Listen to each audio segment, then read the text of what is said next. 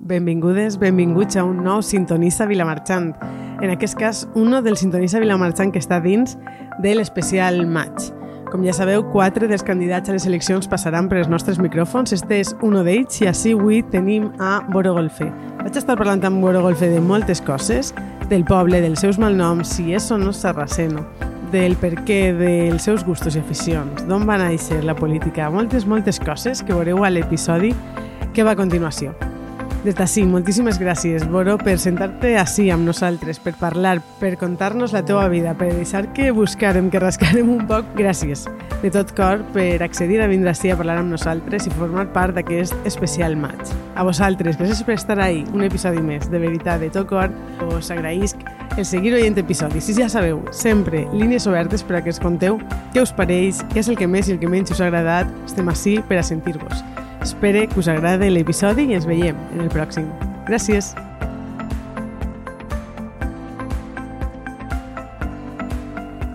Hola, què tal, Boro, com estàs? Hola, Marta, moltes gràcies per convidar-me. Estic bé, estic bé. Benvingut, benvingut a este Vilamarxant Coneixte, el Sintonissa Vilamarxant, este especial match que estem fent. Com ja hem comentat en la resta i veureu en la resta d'episodis, comencem sempre amb una pregunteta, la mateixa pregunteta per a tots, una pregunteta molt vilamarxantera, i és preguntar-te, Boro, si, si eres sarraceno. Bé, jo diria que sí.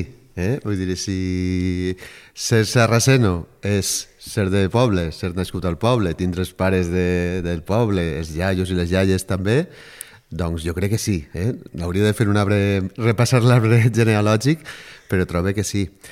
I a més, quan me digues que em faries aquesta pregunta, sí. vaig recordar-me, i te ho estava dient abans fora de, de micro, que un amic historiador un dia em va dir, però aneu a veure, i aquest costum que teniu allí en la comarca de dir-vos que és de Vilamarxant sou sarracenos, és de Benissanó man, manrasanos, és de Ribarroja tàrtars, que tu igual això no ho coneixes, però na, els, que ja, els que ja tenim una certa edat, això és veritat que abans es deia molt, i em va dir que la paraula sarraceno és sinònima de, de mudèjar, de mudèjar, mm. i que és una paraula, naturalment musulmana, que significa aquell al que, al que li ha, se li ha permès quedar-se.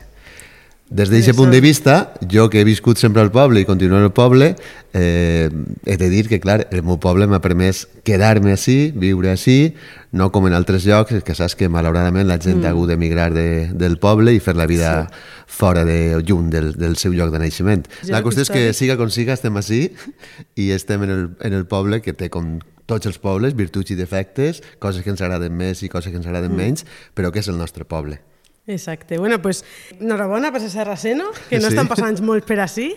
Ja veureu. I, bueno, per als, per als sarracenos de, del Sintonista Vilamarxant tenim un detallet que tenim per així, per a tu, Boro. Lo que sí te vaig a demanar és que no l'obrigues. Ja, qui vulgui veure què és el que porta així, que vaig a les nostres redes socials eh, i ahir ho mostrarem, val? Bé, com fa molt de temps que no donen sorpreses, es podrà esperar una miqueta més, va, vinga. Exacte. Ahí, el deixem ahí cuidaet. I ja sabent que, que eres sarraceno i seguint un poc per, per el poble Vilamarxant del que estem parlant, eh, algo molt de poble i molt d'ací són els nostres malnoms uh -huh. i volíem saber, però, quins són els teus malnoms? Sí, eh, jo tinc... El malnom de ma mare és...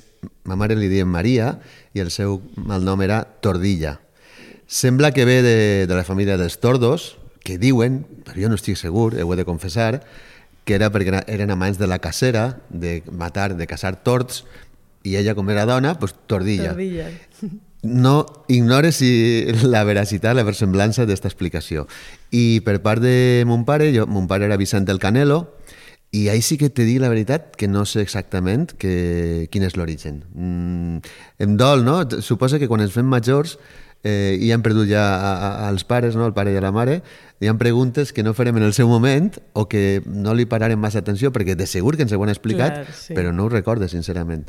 I ells, a, a part d'aixòs dos més típics, són els que, o en els que ells més s'han quedat, perquè al final, no? encara que tenim molts, sempre te quedes en uno, saps o recordes altres que ells tingueren? Perquè de normal sí, sí, ve... sí, a més és molt, molt curiós perquè mon pare era Vicent el Basurero.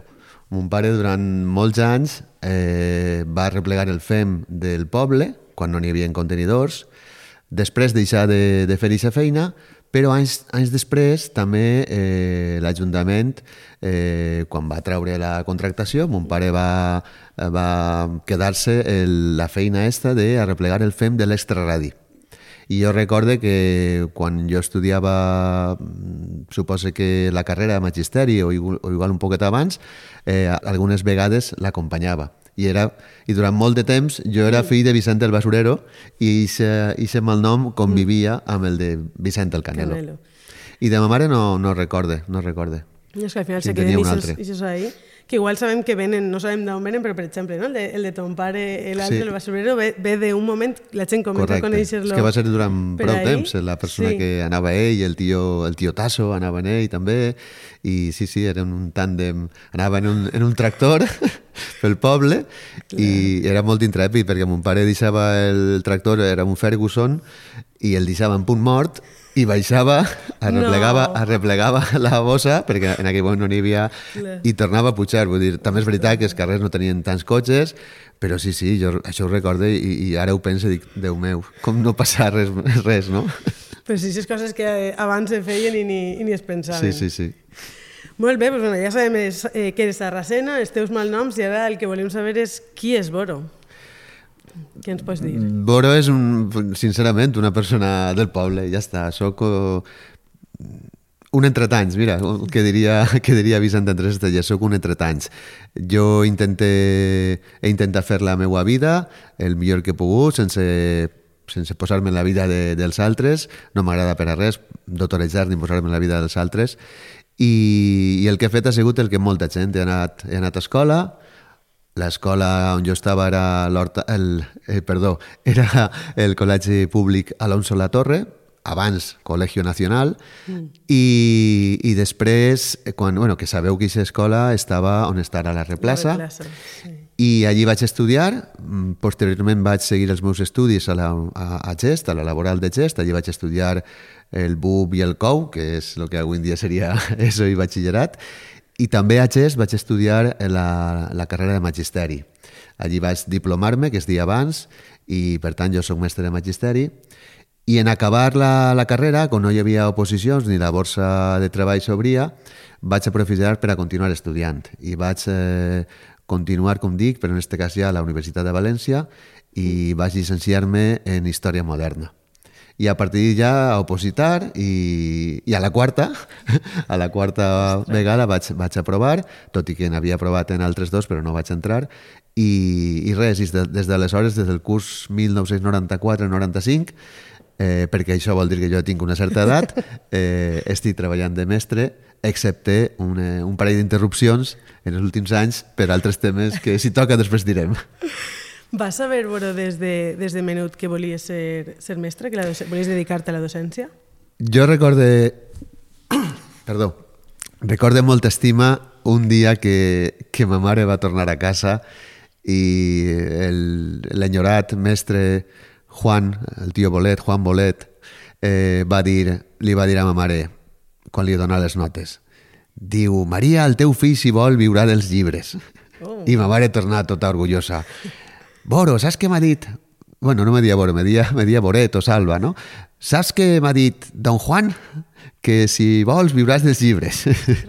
és a dir, jo sí que, sí que recorde que, que a mi sempre m'havia agradat molt llegir, estudiar, tot i que en ma casa no n'hi havia llibres, ni, ni hi havia... Evidentment, mon pare i ma mare han sigut treballadors tota la vida i, i no, no teníem una, cap biblioteca a casa, no? Però sí que és cert que a mi m'agradava molt estudiar i, i ser mestre sempre és una cosa que, que me, me rondava pel cap. També és cert que jo en realitat hauria volgut estudiar, estudiar periodisme, però en aquells moments eh, a València no hi havia periodisme públic, havies d'anar al privat o anar-te'n a fora. I és una cosa que ni, ni arribarem a, plantejar-se, ni jo ni, ni en casa. I res, vaig estudiar el magisteri i, i no m'empenedix per a res d'aquella de decisió. Que bé, i tots els anys estos magisteri, t'has especialitzat en alguna cosa? Perquè jo recorde també estar a les teues aules Ostres. alguns anys.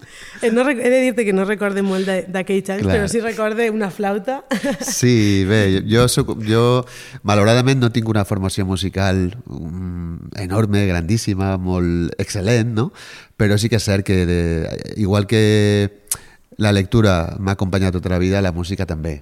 Jo recorde que vas deixar-me la música en un moment mm, dur, meu i de la, de la meva família, ja no vas tornar a estudiar, però sí que, sí que tinc uns certs coneixements musicals. I aleshores quan, eh, com te dia abans, no, no hi oposicions i, i es van crear, va així una convocatòria per a places d'educació musical, la primera oposició que es va fer i aleshores eh, em va, me vaig presentar. Vaig tindre la sort de que una persona del poble que, al que sempre m'agrada dir-ho, no? que em va ajudar moltíssim, que és Julio, el- l'antic mestre de la banda, que ell ha sigut professor d'institut tota la vida de música, doncs Julio em va ajudar moltíssim i vaig aprovar i, i he fet de, de mestre de música de música ambulant, que diria jo, perquè anava amunt i avall, no? en els alumnes, ara és d'infantil, ara és de quart, ara és de cinquè, i anaves canviant de registre perquè no és el mateix fer classe per a alumnes Clar. de 4 anys que de 12. Doncs que- I, a i. I clar, però bé, m'ho he passat molt bé, sí. Que bé, que bé.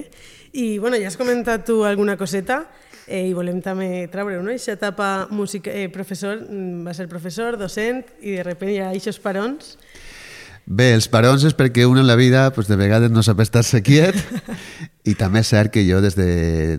trobo que des, des que vaig començar a fer pràctiques de magisteri que vaig entrar en contacte amb gent del poble, que, del món de la cultura. Recorde també amb molta estima a, a Joan Eusebi, que malauradament, es va deixar molt jove, a, Joan Antoni i a Pura, que van lluitar moltíssim per, per portar la línia en valencià a, a Vilamarxant. I allí recorde que vam entrar en la Comissió de Cultura i, i ja, ja no vaig parar. I re... És més, jo no vaig donar mai valencià. Jo, jo quan la llei d'ús, que és de novembre, novembre del 83, es posa en marxa, jo, a mi no m'afecta. Mai vaig fer valencià fins a arribar a magisteri. I potser va ser en aquests moments quan vaig veure que, que això era una, per a mi era una, una anomalia que una persona que vivia en un poble valenciano parlant, que tenia una llengua que després vaig saber que era també una llengua molt important no? des del punt de vista literari i que havia sigut llengua d'ús també el, políticament parlant en la- en l'antiga la, corona d'Aragó, que de sobte no, no, no, teníem, no havia tingut jo aquesta possibilitat d'educar-me. I, I tot això va despertar aquesta consciència que tinc, cultural i política també, cap a, cap a la nostra cultura, la nostra llengua, i això em va portar primer a estar en la- en l'Associació Cultural 9 d'Octubre, en Escola Valenciana, eh, i posteriorment eh, vaig començar a estar en les llistes electorals de Vilamarxant, eh, unes vegades mm, en els primers llocs, altres vegades eh, de manera testimonial, i ja en el 2000... Bueno, ja en el 1995 vaig ser regidor, tot i que no estava en l'equip de govern, amb una candidatura que es deia Agrupació Independent per Vilamarxant. Va néixer la meva filla en el 99 i, i vaig pensar que, que havia de tirar-me més enrere i estar amb la meva filla, cosa que trobo que va ser un encert absolut. Però sí que és cert que torne, diguem-ne, en llocs ja més, més primerencs, més amunt, en la candidatura del 2015, i ahir és quan vaig entrar en, en un equip de govern, del que tinc molt bon record, del 15 al 19. Avui vaig ser regidor de Cultura, Educació i, i Serveis Socials. Després vaig tornar a l'escola, perquè en el 2019, tot i que eh, els partits d'esquerra van treure més boig que els de dreta, doncs circumstàncies de la llei electoral i que s'accepten com és i ja està, no passa res. Vaig tornar a escola, però em varen cridar per a, per a una entrevista de treball a la Conselleria d'Educació i, i vaig anar i, i quan me n'anava vaig dir, bueno, ja m'avisareu. I diu, no, no, no, no, queda't que, Que te toca. que això és per el perfil que, que teníem, la, la, la informació que teníem de tu i la conversa, eh, te pots quedar. Ostres. I cada any he anat renovant, és una comissió de serveis, i allí estic i no sé què passarà el curs que ve i ara mateix tampoc és que em preocupe massa. No vas fent, no? Per fent, que, vaig per fent. el que veig, el que vaig Sí, vas perquè fent no... una cosa que segurament compartiràs amb mi és que arran de la Covid tots hem dit no? que allò de fer-se plans i propòsits i, Totalment. si, pf, i després de, de tantes desgràcies no? que personals i de gent que està i que de sobte ja no està, és com dir per a què planificar, per a què cal fer-se el cap, anar a viure, a viure el moment Sí. amb trellat i amb sentit comú, clar, i, i a viure. Totalment d'acord, a més, bueno, per, per, per això que comentes estem així. Estem així, no? Per, per el donar-se compte d'això, de no perdre el temps, estar a gust on, on un està. Clar. I, I si fem les coses, les fem pues, amb ganes i, i a tope, no? I I, tant, i per i això tant. estem així. Eh, pues, pues, bueno, ara que coneguem un poc la teua faceta eh, laboral, volem també conèixer els teus gustos, les teves aficions. Què és el que fa Boro en el seu temps lliure? La veritat és que segurament sóc molt previsible pel que t'he dit. A mi m'agrada... Estic molt vinculat a, a, als àmbits no? de l'educació i, de la, i de la cultura i, per exemple, sóc president de la coordinadora pel Valencià Camp de Túria, que és una entitat que forma part d'Escola Valenciana, que és una entitat cívica sense finalitat lucrativa que té implantació en tot el territori valencià i així al Camp de Túria fem la trobada d'escoles en valencià, el Premi Sant Bori i moltes altres activitats. I ahí estic jo també, clavat des de fa molt de temps. També sóc, per cert, mira, quasi se m'oblida, també sóc el director d'un festival de música en valencià que es diu el... Director no, el codirector, eh? el codirector, que ahí som dos o tres persones. Però jo m'encarregué sobretot de la, de la programació musical, un festival que es fa a un poblet menut, que es diu Benlloc, que té poc més de mil habitants i està en la comarca de la Plana Alta, i des de fa 16 anys, en guany serà la número 17, se fa un festival de música en valencià que, per sort, eh, continua fent-se i que a poc a poc ha anat creixent perquè també la, la diversitat de grups en valencià ha anat també augmentant i trobo que això és molt positiu per a, per al poble, per, a, per al nostre territori, vull dir, per al nostre país. Mm. I finalment, les, l'entitat que més m'estime és la- l'Associació Cultural 9 d'Octubre, perquè allí vaig conèixer a molta gent que continua sent amiga, altra gent que malauradament ja, ja no està, però és una, som un grup de persones que som amics i amigues, eh, cadascú en diferents sensibilitats polítiques fins i tot, però tenim una cosa en comú que és la, la passió per la cultura, per la nostra llengua, per el nostre poble, i anem fent coses a poc a poc. I, i jugant, jugant, enguany complim 40 anys de vida. Ostres, 40 anys. Jo no he estat els 40 anys, sóc vell, però no... Es va fundar en el 1983 i jo ahir vaig a... Eh, si haurà estat ahir ja posat és que sóc un manifacer perquè, Què està passant? perquè no. Eh, molta, molt, bueno, primera, mm, coneixia el festival, no sabia que duia tants anys. Sí, eh, sí. Pensava, no sé per què jo que era... Bueno, també perquè igual fa aquests anys jo no escoltava molta música en valencià, però no sabia que duia, que duia Sí, tants el 2007 va començar, jo trobo que estic des del 2000, no sé si 11 o 12, però clar, és que ja són Clar. 10-11 anys ahir posats de manera altruista, perquè jo ahir no cobre res, evidentment, estic perquè, perquè m'agrada i perquè crec en, que cal sempre, no?, de posar una miqueta del teu temps en, en aquestes coses que, que t'agraden i que te fan sentir bé. I, i puc dir també que ara quan vaig a Benlloc, fora del, fora del Fesjoc, eh, n'hi ha molta gent que me diu home, eh, l'home del Fesjoc Està per aquí, ja ha aparegut. I, i ja me conec a moltíssima gent i me sent molt, molt afortunat de tindre allí un poble on la gent m'aculla d'esta manera tan, tan afectuosa. I has comentat, Boro, tant el FESJOC, música en valencià, la cultura, les associacions, què és el que et va moure per a posar-te? Has comentat que vau començar fa molt de temps i que això et va dur a la cultura, però, o a la política, perdó, però què és el que et va moure per entrar en, en tot este vidilla que tens ara? No, jo suposo que són les inquietuds. Eh, si repassem mentalment, segur que tu te passa com a mi, no? que tens amics o amigues que començaran a fer atletisme fa 10 anys i continuen. Eh, jo puc dir el mateix, no? N'hi ha gent que comença a, a cantar en la coral fa 20 o 25 anys i continuen, que feren fan atletisme i continuen. Jo vaig entrar en, així i, i així m'he quedat. Mm, que està molt lligat a, al, al meu camp eh, professional, sí, perquè al cap i a la fi, quan un és mestre i, i, i s'estima la seva cultura, la seva llengua, si té temps, si vol fer un pas endavant, eh, el fa. El problema és que, clar, eh, això també és veritat que m'ha portat a, a renúncies o a algunes coses no haver-les fet bé quan tocava, però són coses que assumixes i que al llarg de la vida això de dir, si haguera fet això o haguera fet allò, mm, possiblement no? De... no, val, no val de massa, no? Mm. Però sí, jo suposo que va tot molt lligat a, al meu compromís amb l'educació, que em va portar també a aquest compromís social, i, i per altra part, jo penso que ja en este poble ho vegem. Si, un, si, una, si una cosa bona té especialment este poble és la fortalesa del, del teixit associatiu. Este poble possiblement no seria el que és sense tants col·lectius fent tantes activitats i amb tant d'altruisme amb tant de, i sobretot amb ganes d'incorporar gent de, es, estan, estem, estan socialitzant també. Estan fent cultura, estan fent educació estan fent relacions socials i estan eh, donant-li vida al poble.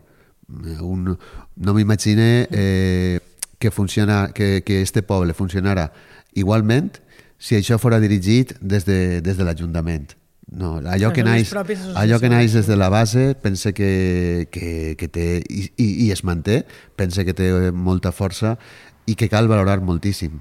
I això es troba que és així Sí, som un, un poble amb moltes ganes, però també el que jo he pogut veure entre aquestes eh, entrevistes que ja vaig començar en les falles i que, i que estic seguint en molts àmbits, eh, és la passió. No? Jo crec que és un poble molt mogut per, sí, per la passió, sí, sí, si estàs sí. d'acord amb mi, és el que els que es fiquen a fer alguna cosa es fiquen a fer amb tanta passió que és que és molt difícil que isca mal. És, ahí, i perseverància. Possiblement això que, va, que diré ara ho has escoltat ja en alguna conversa en amics, però així n'hi ha algú que diu que este poble el porten entre 100 o 150 persones, perquè n'hi ha 150 persones que estan clavats en mil històries i això no vol dir que els altres 9.000 o 10.000 no, però sí que és veritat que si te pares a pensar tenim referents eh, en diferents col·lectius que, que és impossible pensar en un col·lectiu i no associar-lo a una, dos, tres, quatre mm. persones perquè és, és veritat, és gent que ha posat tota la seva dedicació voluntàriament a aquesta passió i ha fet que, que això cresquera, que es mantinguera i que quan ha tocat pues, ha deixat el relleu a altres persones.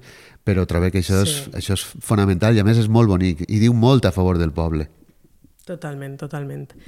Hem dit voro eh, docent, voro polític, voro compromès en totes aquestes causes. Què més podem dir de, de voro? És que no... A mi no, algun secret. A mi no m'agrada molt parlar de mi, no? I, i bueno, n'hi ha, ha una frase que diu que tenim una vida pública, una privada i una secreta. La secreta Ahí. me la quedé jo. I la privada, la privada és meua, igual que a mi no m'agrada furgar en la vida de ningú, tampoc m'agrada que, que furguen en la meua, però no sé, és que realment no crec que siga T'ho dic sincerament, no? Vull dir, a mi m'agrada pues, fer el que, el que fa molta gent. En aquest cas, n'hi ha qui li agrada fer unes coses, a mi unes altres. Això sí, n'hi ha una cosa que sempre que puc eh, no perdone mai, que és la, passe la passejada els diumenges de matí amb els amics, anar, ir a caminar, culminat, com no, amb un bon esmorzar, la, la xerradeta i, i això, això és, és bàsic. Per tant, a mi el que m'agrada fer és llegir, escoltar música, m'agrada moltíssim escoltar música, eh, m'agrada passejar, m'agrada estar en la família i, i cada vegada més, cada vegada més perquè perquè valores, no? valores que a la gent que tens al teu costat mm. quan, quan has tingut moments fotuts i, i jo puc dir que tinc una família molt bonica, en la que estem molt unides i molt units i això és, un, és una sort i és un, és un privilegi, la veritat. I, I és una sort quan, quan estem a un poble on la tenim molt proper, no? Eh, per unes coses i altres... I mira que nosaltres som desapegats, eh? Vull dir, nosaltres no som de telefonar-nos ella tota hora, no? Però ma mare era, ma mare era molt acollidora. Jo recorde que eh, ma mare sempre, quan hi havia un dinar familiar, allí estàvem, eh, en casa de ma mare, mon tia, ma tia Alvireta, mon tio José, les famílies, no? Ara aquesta feina la fa la meva germana Loli. Loli, ho sent, però eh, ho estic dient. Ella és la, la lloca, ella és la, la germana acollidora i allí anem totes i tots super a gust perquè saben que, que ens cuida i ens tracta molt bé, tant ella com, com Javi, que és un, un encant, i, i això, és, és un plaer estar allí amb, amb ells la i elles. Família, sí, sí, sí, sí. És que és molt bonic, és molt bonic aquests moments de, de reunió. I jo crec que també el que dius, no? després de passar coses, ja eh, tots coneguts la, la pandèmia, eh, que ha estat ahí, que ens ha fet veure moltes coses i, i coses que, que cada un ha pogut viure, eh, ho valores encara més, no? I tant, a i més, tant. aquests moments en unes ganes de, de viure-los.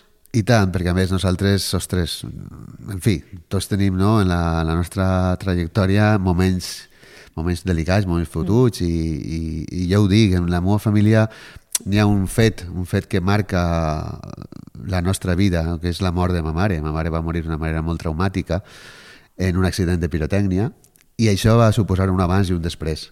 I això va ser el primer colp, no? el primer colp que varen tindre. I, i ens ha fet això pues, aprendre moltes coses i veure com, com se'n pot anar a terra qualsevol cosa que pensaves que, que estava ahí, que era segura, que era ferma, i allò va, va canviar molt, va canviar molt a les nostres vides en la, en la nostra família, la veritat i, i bé, hi ha altres coses que no cal, no cal dir, només. Ens quedem en això, en aquestes reunions familiars, sí, sí, en els bons sí, sí. moments i en aprendre, en aprendre de, de tot el que ve. Bueno, què, què suposa per a tu el dir soc de poble i en concret soc de Vilamarxant? A veure, a mi, per a mi ser de poble és, és de veritat un orgull. Jo ho dic sincerament, i quan veig per ahir samarretes de jo sóc de poble, jo dic, jo també, sí. jo també, m'agrada. O m'agrada ser de poble, no? que n'hi ha moltes samarretes així ho he de dir, a mi em fa... em crea una miqueta de, de, de, de sorpresa, no? allò de ja som ciutat. A veure, per criteris administratius, per allò de tindre més de 10.000 habitants, som ciutat. Però som poble.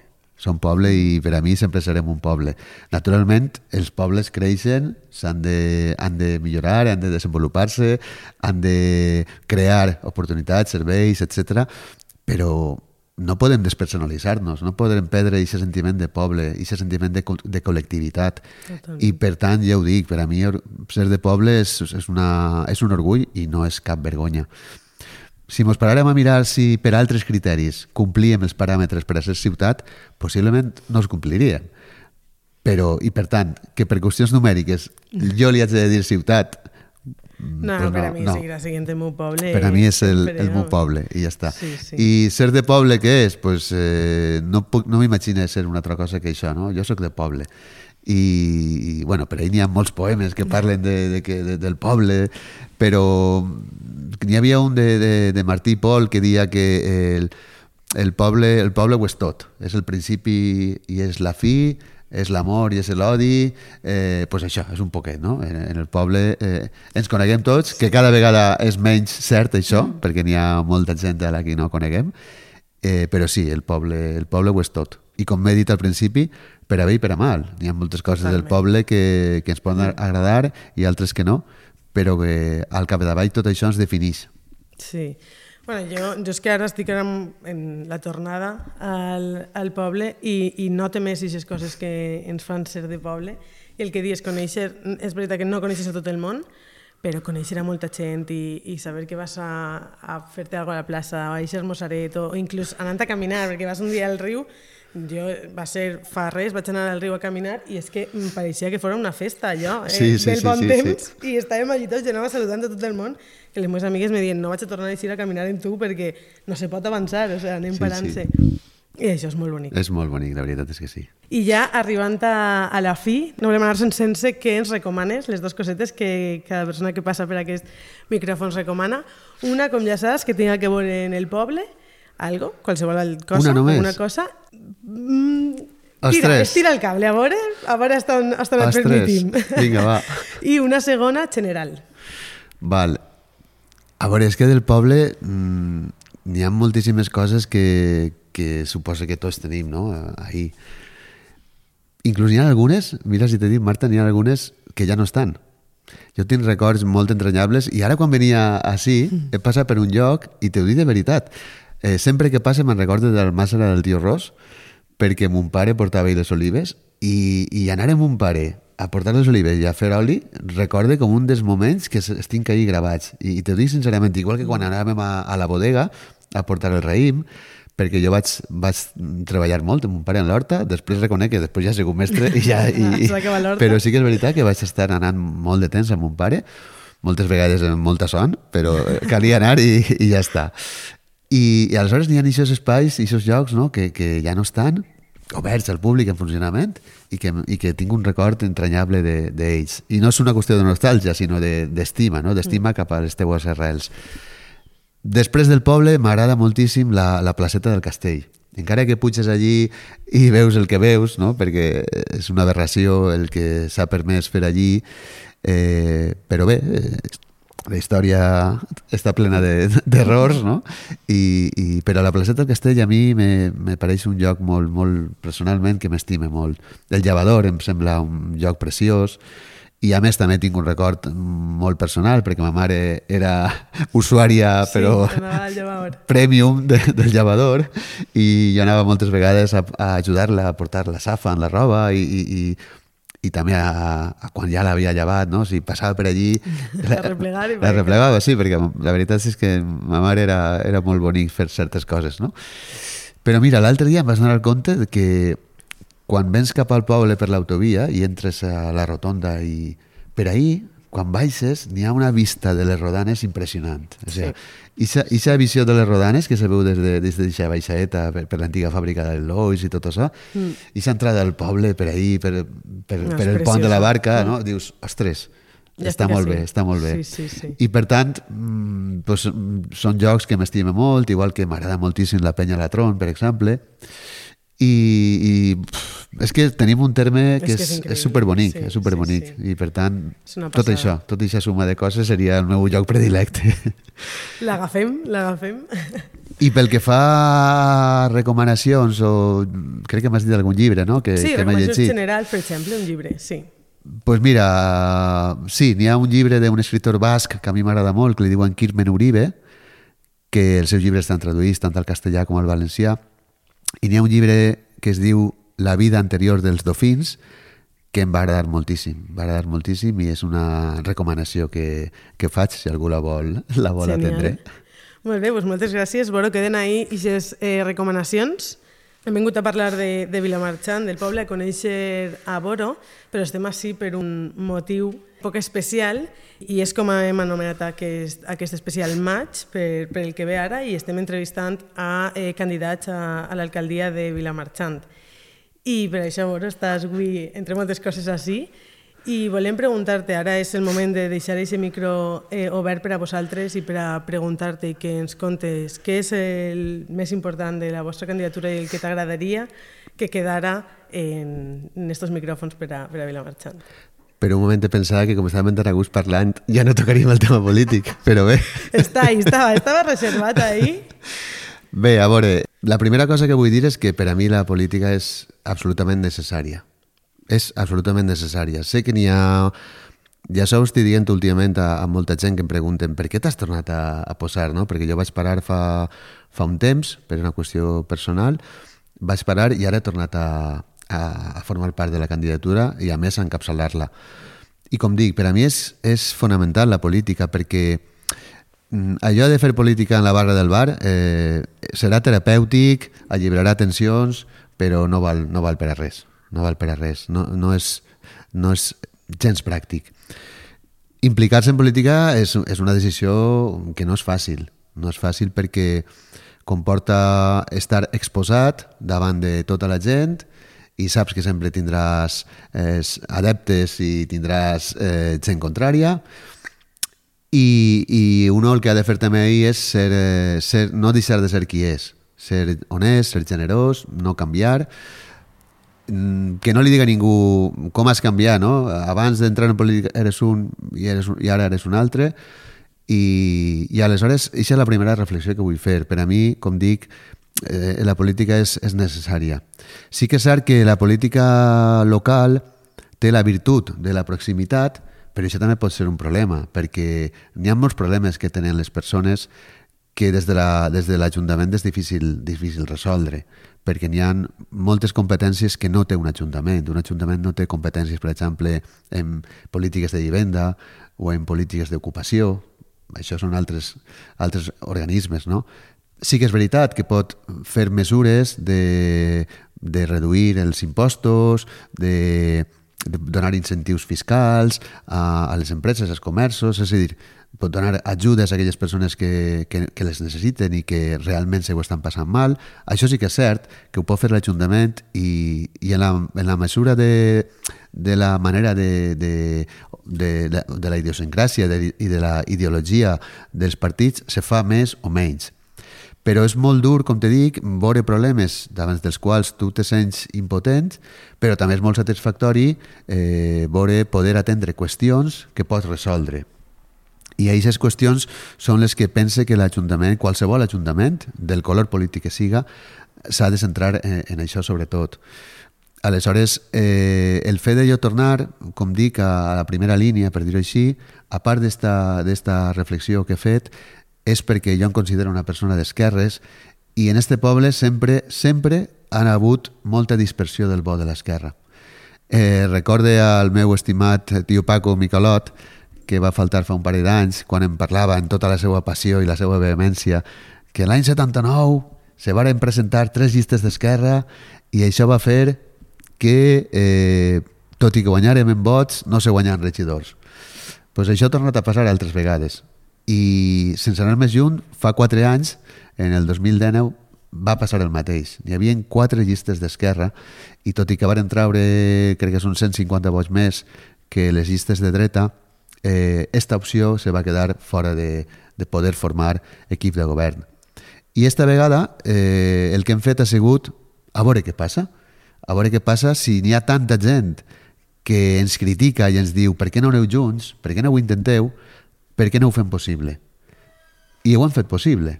No sabem què passarà, perquè moltes vegades eh, dos i dos no són quatre, no sabem què passarà, però sincerament ha sigut molt fàcil entendre'ns, eh, estem treballant juntes, eh, estem agafant rodatge, perquè clar, fins ara cadascú estava en el seu grup, en el seu partit, i anem amb molta il·lusió, amb molta honestedat i amb molta modèstia, i a veure què passa amb els resultats. Que eixen bons resultats i podem formar part d'un equip de govern, doncs pues ho farem. Que no pot, que no, continuarem vivint igual, no? amb ganes de, de ser feliços, eh, estimant-nos el poble, etc. Perquè si una cosa tinc clar també és que jo crec que cap partit somia en tindre majoria absoluta. Trobo que ara mateix això és impensable en este poble. Per tant, caldrà pactar, caldrà negociar i, i ja veurem què passa. Molt bé. Això és el que n'hi ha, de moment. I no sé si, si t'he contestat o què, però... Està perfecte. El teu, el, micro, el teu micro obert, era estar així. I fins així l'episodi amb Boro. Moltíssimes gràcies, Boro, gràcies per tu, vindre gràcies. a aquests micròfons a parlar amb nosaltres, per obrir-te i contar-nos tot el que ens has contat. I bé, així sempre tindràs eh, un micròfon per a quan vulguis. Així s'ha d'acomiadar un manifecer d'una manifacera que també se clava moltes històries i que, per tant... No sé per què ho dius. Per això ha sigut tan agradable este momentet amb tu. Així que moltes gràcies, de veritat. Moltes gràcies, Boro. I a vosaltres ens veiem en un altre episodi. Gràcies.